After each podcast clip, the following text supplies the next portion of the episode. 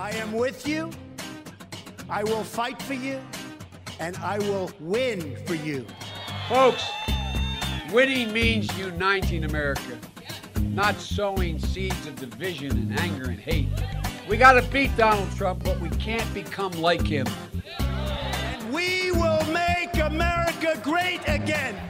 Een trendbreuk. Zo kan je het buitenlands beleid van president Donald Trump misschien wel het best typeren. Vier jaar buitenlandse politiek met Trump zitten er bijna op. Welke successen behaalde hij en wat mislukte er? En wat moet Joe Biden daar dan straks mee doen eigenlijk? We bespreken het vandaag in de Holland-Amerika-lijn. Mijn naam is Victor Pak en in Washington zit Emiel Kossen. Dag Victor. Het is Thanksgiving deze week, misschien wel de belangrijkste week die Amerikanen hebben om onderling samen te zijn naast kerst. In Europa is niet zo'n ding. Hoe ga jij het uh, vieren? Ik zit in, uh, in Cleveland, Ohio, bij, uh, bij, bij, vrienden hier die, uh, die ik als een soort van familie heb, heb omarmd. Um, veel Amerikanen twijfelen dit jaar of ze, ja, of ze Thanksgiving kunnen vieren, zoals anders, door het coronavirus natuurlijk. Maar de afgelopen week stonden hier in Washington gigantische rijen bij de coronatesten. zodat ze in elk geval ja, die stad nog even uit konden, voordat de kalkoen kan worden aangesneden. Ja, het draait allemaal om die uh, kalkoen. En deze keer is het thema een beetje een responsible Thanksgiving. Zag ik her en der bij wat Amerikanen opduikelen.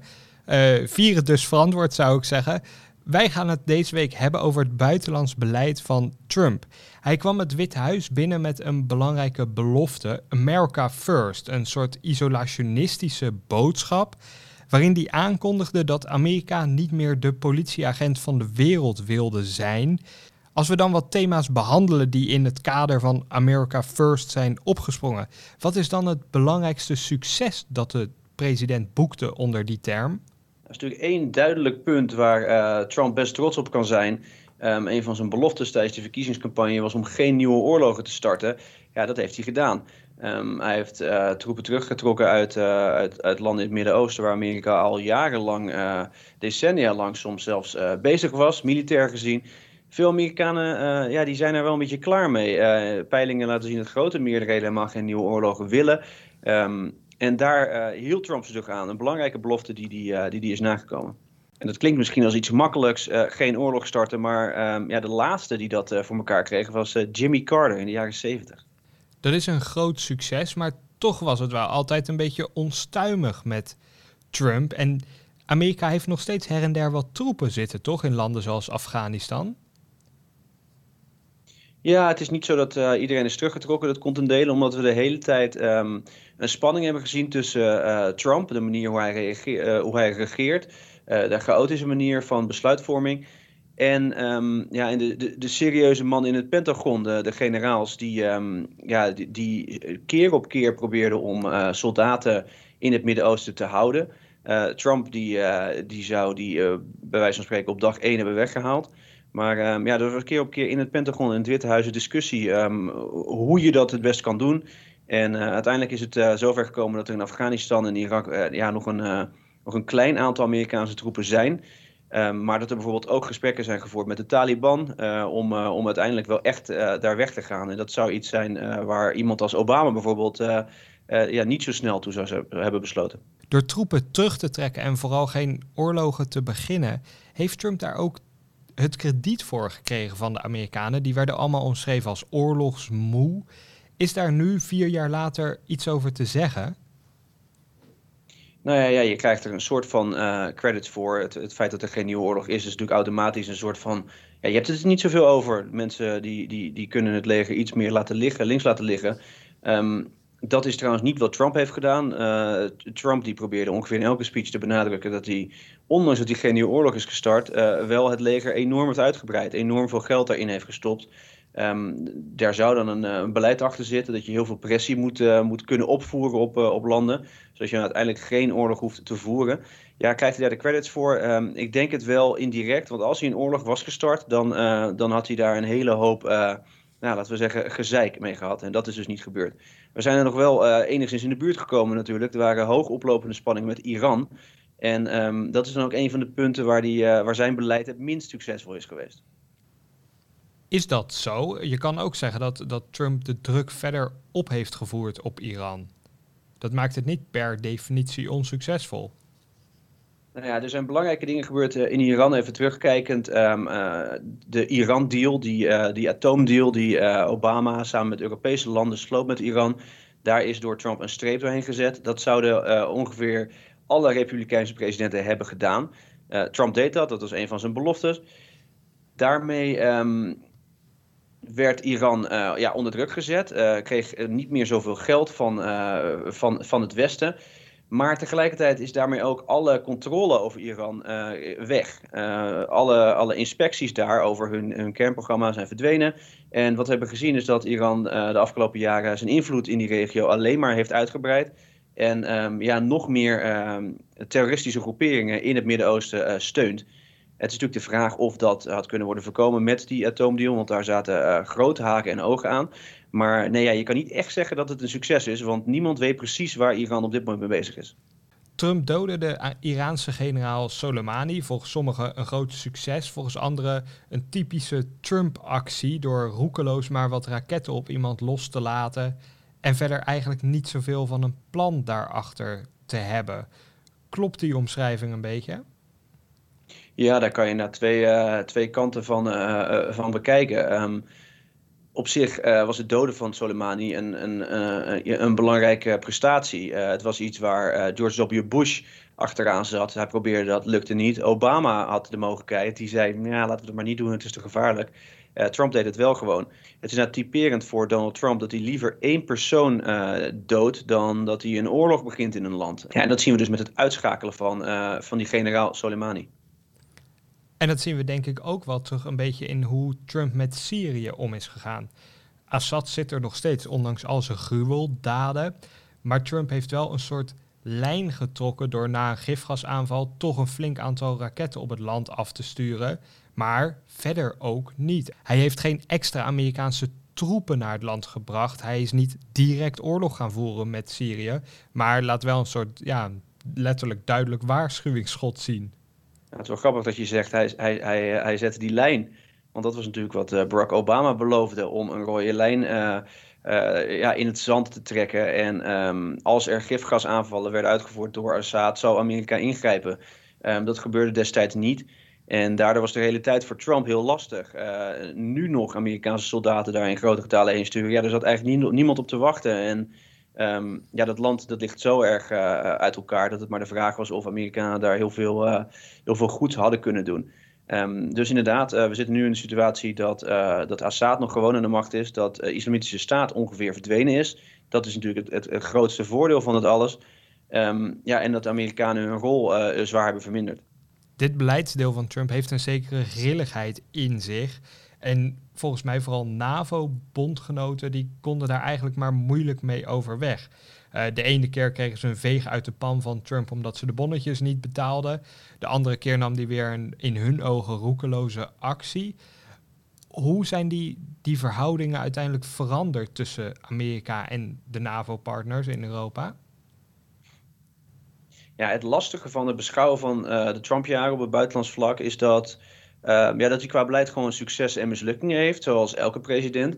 Maar um, ja, daarboven, of daarachter eigenlijk, daarachter schuilt uh, het karakter van Trump. Zijn grillige karakter en het feit dat hij um, ja, alles ziet in, in, in winnen en verliezen. En dat allemaal op de korte termijn. Ze noemen hem meer transactioneel. Uh, op elk vlak wil Trump nu uh, ja, resultaten zien eigenlijk. En um, ja, die behaalt hij dan soms ook. Bijvoorbeeld in het geval van de NAVO, uh, waar de defensieuitgaven van bondgenoten zijn toegenomen met meer dan 100 uh, eh, miljard euro. Dat komt deels, deels dankzij Trump, dankzij zijn pressiecampagne. Maar ja, de prijs die is ook vrij hoog. Uh, landen als, als, als Frankrijk en Duitsland die, um, ja, hebben zich afgewend van Amerika, vertrouwen Amerika niet meer. En dat zie je ook in, in peilingen eigenlijk rond Europa. In heel Europa is het respect voor Amerika zwaar afgenomen. En ja, wat daar precies het langetermijn effect van is, dat is natuurlijk moeilijk inschatten. Nou, zei jij dat Trump vooral kijkt naar winst en verlies. Uh, ik omschreef hem als grillig. In het Midden-Oosten heeft hij ook nog een andere reeks successen geboekt. En dan vooral als het om Israël gaat. Niet alleen de ambassade in Israël is verplaatst naar Jeruzalem, de Amerikaanse ambassade wel te staan. Hij heeft ook allerlei diplomatieke deals voor elkaar gekregen Het is wel een heel grote verschuiving. Israël werd door zijn omringende islamitische landen altijd verafschuwd, moest van de kaart worden geveegd, maar Trump heeft ze gedwongen Israël te erkennen als het ware en diplomatieke betrekkingen met ze aan te gaan. Ja, in ieder geval zijn, uh, zijn regering heeft dat voor elkaar gekregen. Um, in eerste instantie werd Jared Kushner, de schoonzoon van Trump, uh, naar Israël gestuurd om het conflict met de Palestijnen op te lossen.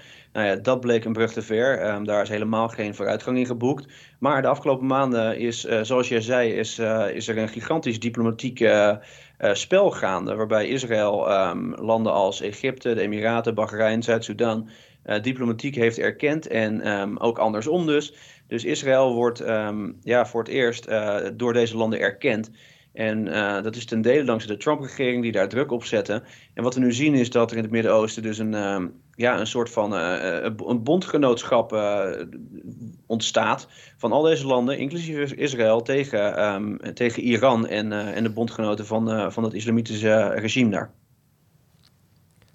Jij noemt tegen Iran nadrukkelijk. Dus, dus eigenlijk heeft Trump een soort clubje omringt dat wel met Israël door een deur kan, maar die Iran als vijand als een soort gemeenschappelijke factor hebben.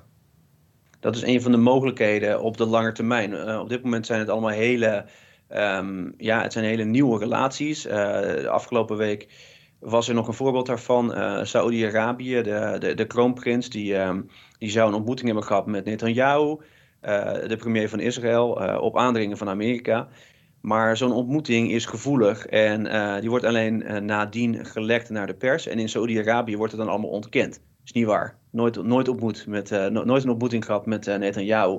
En dat laat je zien hoe, ehm, ja, hoe lang die route zal zijn voordat deze landen echt een blok kunnen vormen. Maar het is wel inderdaad een van de drijfveren dat die druk van Iran, dat die dreiging van Iran alleen maar toeneemt. En dat daardoor die landen eromheen wat meer naar elkaar toe worden geduwd. Als we dan zo kijken naar Amerika's beleid onder Trump in het Midden-Oosten, dan is dat wel heel vernieuwend geweest, als het ware. Het is niet eens zo slecht op het, uh, op het eerste oog. En we hebben natuurlijk ook decennia lang een beetje hetzelfde beleid gehad. Uh, Obama en George W. Bush, uh, ja, die, hadden, die waren misschien niet met elkaar eens, maar de gevolgen van hun beleid waren niet eens zo heel anders. En nu kwam Trump daar binnen uh, ja, met, heel andere, met hele andere motieven. En uh, ja, ten dele daardoor is nu uh, die hele machtsverdeling in het Midden-Oosten veranderd. Een belangrijke factor daarbij is misschien ook wel dat er voor het eerst niet één gigagrote terroristische organisatie actief is in het Midden-Oosten. Dat allemaal wat versplinterd is. Trump, een van zijn successen is natuurlijk ook het doden van IS-leider Abu Bakr al-Baghdadi. Laten we even luisteren naar hoe Trump de dood van Baghdadi beschreef. He died after running into a dead-end tunnel, whimpering and crying and screaming all the way. He died like a dog. He died like a coward. Dit is ook wel weer kenmerkend voor Trump, deze ondiplomatieke manier van het uitschakelen van een terreurleider beschrijven. Zo, nou, als een hond. Ja, um, na vier jaar zijn we denk ik nog niet, niet helemaal gewend aan, uh, ja, aan het gedrag van Trump op het, uh, op het wereldtoneel. Maar goed, ja, dit was wel een succes. Meerdere keren aangekondigd, ook al onder andere presidenten, dat al-Baghdadi uh, dood zou zijn. en pas onder Trump is het, is het gelukt. Het is natuurlijk maar een, ja, een, een, een druppel in het geheel hier van het, van het wereldbeleid, van het buitenlandbeleid van Trump. Maar ja, toch een belangrijk succes. Als we wat verder kijken dan het Midden-Oosten, dan kom ik er toch op terug dat we net zeiden, nou, Trump is geen nieuwe oorlog begonnen. Gelukkig en een succes. Maar klopt dat eigenlijk wel als we kijken naar China? Want je kan toch wel zeggen dat een handelsoorlog, ja, het is geen oorlog met soldaten, met uh, geweren, met kogels, met bommen, raketten of wat dan ook. Maar het is wel een heel hoog oplopend conflict geweest. En nog steeds eigenlijk, die, de relatie tussen Amerika en China is volgens mij wel grondig verziekt. Ja, China is een uh, intrigerend thema en een hele hoop veranderd de afgelopen vier jaar. Toen Trump uh, het Witte Huis uh, betrad, begon hij inderdaad een handelsoorlog. sloot hij een, een, een, kleine handelsdeal. En ja, toen noemde hij de Chinese leider Xi Jinping zijn beste vriend. Het is vooral zijn kabinet, de mensen achter hem in de regering, die ervoor hebben gezorgd dat Amerika veel kritischer is geworden over China op andere punten. Dat wilde Trump zelf eigenlijk niet. Ehm, maar onder leiding van Mike Pompeo, de minister van Buitenlandse Zaken, en ehm, de baas van de CIA, Christopher Wray, draaide dat het afgelopen zomer helemaal om. Zij noemde China openlijk Amerika's grootste rivaal. Uh, het consulaat in Houston werd gesloten. Uh, er werd eindelijk kritiek geuit op de Chinese behandeling van de Oeigoeren. En natuurlijk was ook nog Hongkong allerlei, waren er allerlei zaken gaande waar Amerika zich ook in mengde. Um, ja, dat is nieuw dat Amerika zo openlijk aangeeft dat China een grootste tegenstander is. Niet Rusland, maar China. Um, Obama had, al, had het al over de pivot to Asia. Um, hij wilde meer aandacht geven aan Azië, minder aan Europa. Maar zo openlijk uh, China bekritiseren, dat was er toen nog niet bij. Um, en dit is dan ook een van de punten ja, waarbij Democraten en Republikeinen met elkaar eens zijn. Uh, iedereen ziet China als de grootste uitdaging op het vlak van economie, op het vlak van op, het, op het legervlak. En um, ja, de komende jaren kan het bijna alleen maar dat die harde lijn wordt doorgezet en dat de spanningen met China alleen maar hoger oplopen. Maar is zo'n harde lijn succesvol? Want als we kijken naar wat er gebeurd is in China de afgelopen jaren, lijkt het alsof Trump eigenlijk bar weinig heeft kunnen uitrichten. Hongkong was een democratie en de democratie is daar feitelijk gewoon afgeschaft. Er zitten nog altijd waarschijnlijk, we weten het niet precies, maar misschien wel miljoenen Oeigoeren in kampen die ons aan een gruwelijke tijd in, uit de vorige eeuw doen terugdenken. Ik heb niet het idee dat Amerika echt een vuist heeft kunnen maken tegen China van Xi het is natuurlijk ook lastig. Het alternatief is om uh, lief te doen tegen China en te hopen dat dat uh, zaken oplost. Nou ja, dat is de afgelopen jaren geprobeerd. Um, dat is niet gelukt. En dus kom je nu op een punt dat, um, ja, dat dus de mensen achter Trump zeiden: oké, laten we um, een andere uh, retoriek gebruiken. Laten we in elk geval ja, de problemen van China benoemen. En dan hopen dat, uh, dat onze bondgenoten uh, gaan helpen om, uh, om ook op, in die regio een, een blok te vormen. En dat zien we nu een beetje gebeuren. Um, in Azië zijn allerlei staten samengekomen um, die ja, aan de kant van Amerika staan. Dus die tegen de Chinese uitbreiding zijn. bijvoorbeeld in de, in de Zuid-Chinese zee daar. En um, ja, de volgende stap is om uh, Europa ook daarbij te betrekken. Europa loopt een beetje achter uh, op het buitenlands beleid. Dat is wel vaker zo. Die durven nog niet echt een beslissing te nemen in dit, um, ja, in dit opdoemende conflict tussen Amerika en China. Uh, dat zagen we over, bij discussies over 5G de afgelopen tijd. Um, ja, dat wordt, het volgende, dat wordt de volgende stap. Joe Biden die gaat dat gewoon doen. Die gaat gewoon naar Europa. Die zegt lieve dingen, maar daarna gaat hij wel de Europese landen onder druk zetten om ja, om een duidelijk standpunt in te nemen tegen China. Dus eigenlijk, als we dan naar Biden kijken en vooruitkijken, dan zou Biden misschien wel eens uh, de juiste figuur op het juiste moment kunnen zijn, omdat hij wel de diplomatieke vaardigheden bezit die Trump waarschijnlijk toch wel ontbrak om bijvoorbeeld Europa mee te krijgen in een strijd tegen China. Ja, dus afwachten of, uh, of de Europese bondgenoten daar zin in hebben en of ze zich um, ja, zomaar laten overtuigen. Dat kan uh, nog een flink knetterende uh, diplomatieke strijd worden. Um, interessant ook om te zeggen dat juist het diplomatieke korps onder Trump uh, is uitgehold.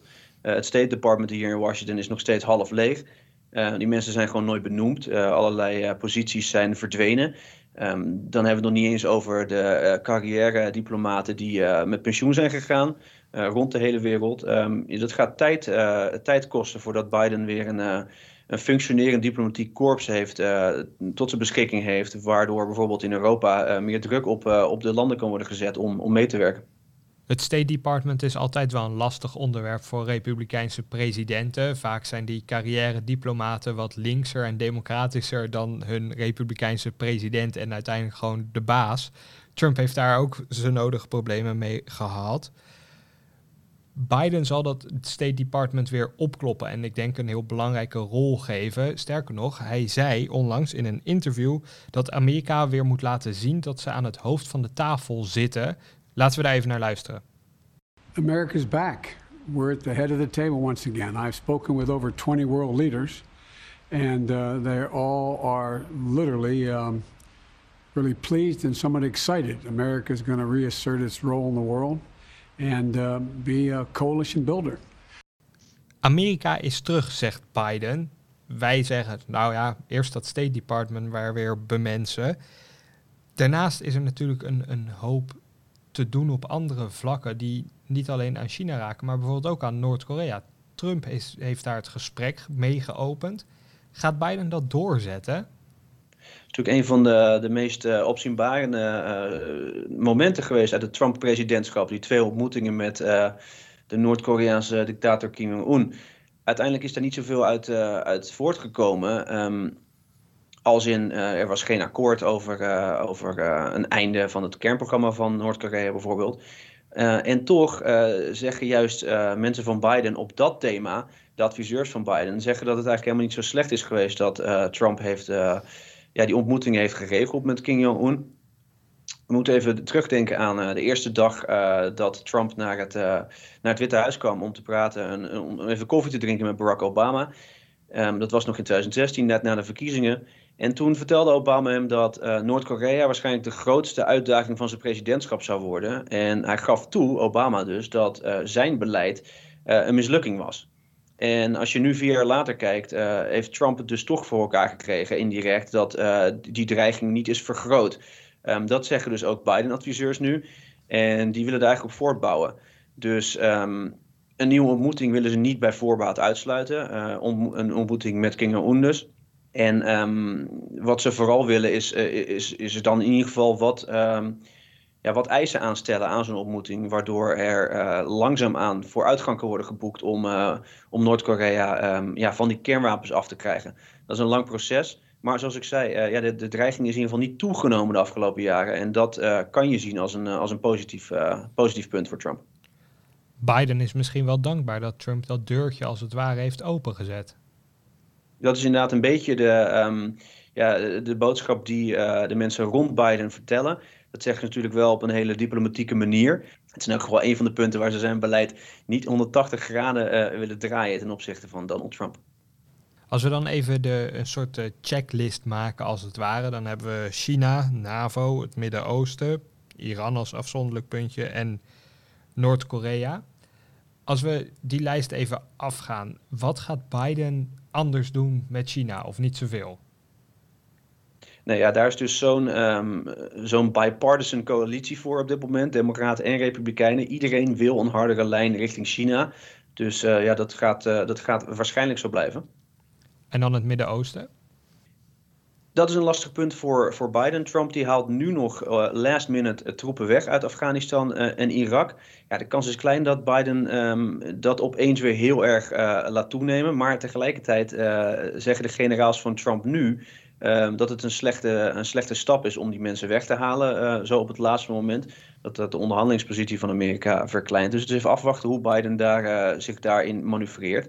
Op het vlak van Iran, um, ja, die Iran-deal eh, nog een keer opstarten, dat is geen echte oplossing. Ze moeten echt gaan denken naar iets, iets, iets diepers. want die Iran-deal was, ja, die was vrij gebrekkig. Daar zat een, een, een tijdslimiet in waardoor Iran uh, uiteindelijk alsnog uh, aan, aan atoomwapens zou kunnen komen. Um, ja, en het is maar de vraag of er nu politieke wil is bij, uh, bij Europa en bij Iran om, om, om zo'n deal opnieuw samen te stellen. Europese landen zijn wel in de deal betrokken gebleven. Heeft Biden niet eens gezegd dat hij zich daar gewoon weer opnieuw bij wil aansluiten? Ja, daarom zei ik het. Het is een beetje de, uh, de talking point uh, van Democraten om te zeggen: we gaan gewoon weer terug in die deal.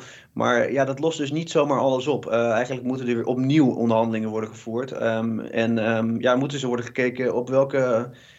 op welk punt Iran zich precies bevindt nu op die schaal van, van hier tot het maken van kernwapens. En dan de NAVO. Volgens mij, als we daar allebei eerlijk over zijn, dan, dan weten we wel dat daar heel opgelucht werd ademgehaald toen Biden als winnaar uit de bus kwam, toch? Ja, na vier jaar um, een grillige president, een president die zelfs het bestaansrecht van uh, de NAVO in twijfel trok. Ja, uh, zijn er heel veel blij met, um, met Joe Biden, die dan Amerika gaat leiden en de NAVO in elk geval zal respecteren. Maar ja, wat ik zei, um, Biden gaat waarschijnlijk wel meer vragen van Europese bondgenoten om echt uh, mee te werken. Het gaat dus niet zozeer om die bonnetjes, niet zozeer om, uh, om de uitgaven aan hun eigen defensie, maar wel om, om hulp in, in diplomatieke conflicten. En net als de NAVO rekent Europa zich natuurlijk ook rijk met Biden als president. Biden die hartstikke betrokken was, ook als senator al met buitenlands beleid. Die hopen weer wat erkenning te krijgen, wat warmte in de, in de relatie tussen Europese landen, de Europese Unie ook en Amerika. Maar gaat dat echt gebeuren? Eigenlijk concludeerden wij net dat die pivot to Asia, die Obama al inzette, Trump mee door is gegaan, die gaat niet weg, toch? Nee, Europa blijft uh, als blok um, een, een, een soort uh, bijspeler.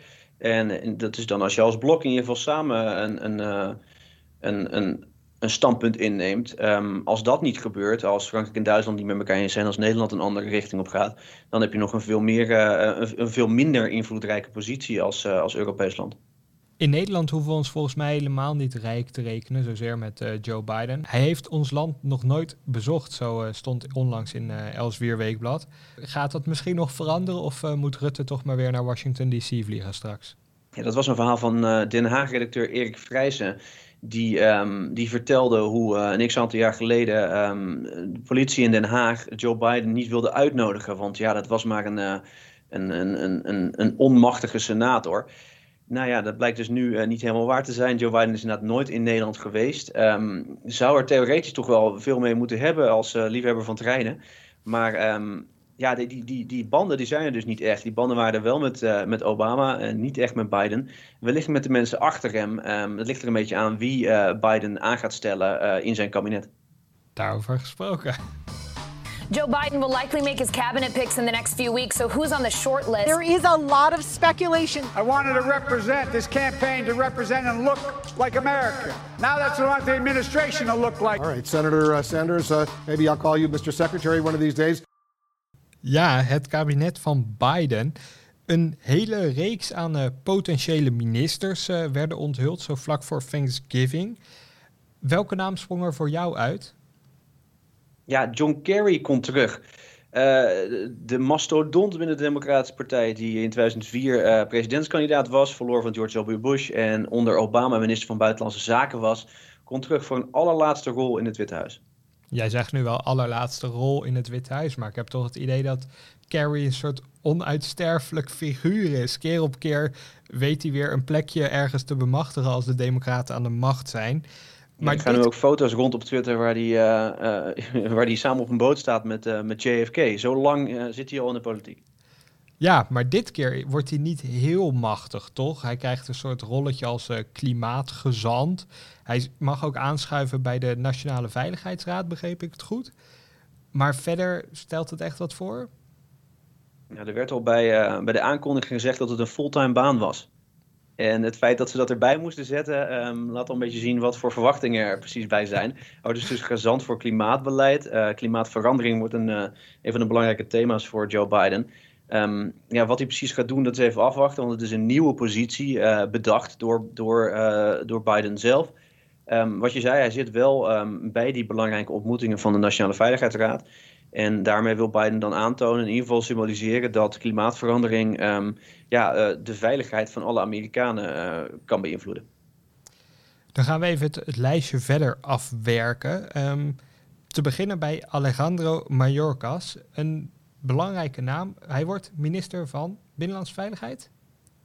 Ja, het is een Latino. Um, zijn ouders vluchtten uh, uit Cuba toen Mayorkas één jaar was. En hij wordt dus de minister um, die gaat over het immigratiebeleid. Hij uh, is de eerste Latino die, uh, die zich op die positie uh, um, mag gaan bewijzen. En mag gaan bewijzen ook met het uitzetten van illegale immigranten, hè? Bijvoorbeeld, maar er kan ook um, een positieve draai worden gegeven. Hij gaat zich ook buigen over de Dreamers. Um, die, um, die jongvolwassenen, veelal jongvolwassenen, die um, op jonge leeftijd naar Amerika kwamen uh, vanuit uh, Centraal-Amerikaanse landen en nu nog steeds wachten op een uh, verblijfsvergunning. Daar gaat hij zich voor, voor sterk maken, bijvoorbeeld. Dus er zitten positieve en negatieve kanten aan. het feit dat hij een Latino-achtergrond heeft, betekent natuurlijk niet dat hij een enorme voorstander is van alle, alle migratie. Um, het is even afwachten wat precies de, uh, de nadruk wordt van, uh, van deze Biden-regering. Ook met het vlak, uh, op het vlak van de muur. Van het, het, het, paradepaardje van Donald Trump. Hij was ook eerst, eerder deputy secretary. Maar dan gaan we even door naar ook zo'n zo'n evergreen als het ware. Janet Yellen. Zij wordt minister van Financiën. Ze was eerder de baas van de Amerikaanse centrale bank, de Fed, een ontzettend machtige positie en een ontzettend slimme vrouw. Ze gaat de eerste vrouw worden die ooit het ministerie heeft geleid, begreep ik. Ja, nog zo'n uh, zo'n historische aanstelling van, uh, van Biden. Daar lijkt het een beetje om te doen. Um, heel veel van die posities zijn de eerste vrouw, de eerste Latino, de eerste dit, de eerste dat. Um, Jellen is er een van. die heeft natuurlijk de ervaring al. Die heeft de kunde. En um, ja, ze mag zich gaan bewijzen als minister van Financiën. En dan hebben we nog over de aanstaande Secretary of State, de man die het buitenlands beleid, wat we net zo in detail hebben besproken, op vorm moet gaan geven, Tony Blinken, of officieel Anthony Blinken. Ja, voor velen een beetje een onbekende naam. Uh, ik denk niet dat in Nederland veel mensen uh, ooit hebben gehoord van Tony Blinken. Tenzij ze op um, Spotify hebben gekeken, want hij heeft twee singeltjes uitgebracht. ja, maar die hebben maar duizend views allebei. Dus uh, ook, ook, ja, ook, ook, zijn muzikale carrière, die, dat was niet zo'n succes. Hij is beter als politicus. Um, ook hij was al um, uh, onderminister. Uh, dat is een, een duidelijk punt dat Biden heeft proberen te maken met al deze aanstellingen. Het zijn allemaal mensen die zeer goed um, ja, zijn voorbereid op, op het ministerschap dat ze nu wordt aangeboden. velen hebben ook banden met de Obama-jaren. Um, ja, Blinken is een, uh, is een vriend van, uh, van Joe Biden, kent hem heel goed. Uh, geeft hem al tientallen jaren advies op het vlak van buitenlands beleid. dat gaat terug tot de tijd van Biden in de Senaat.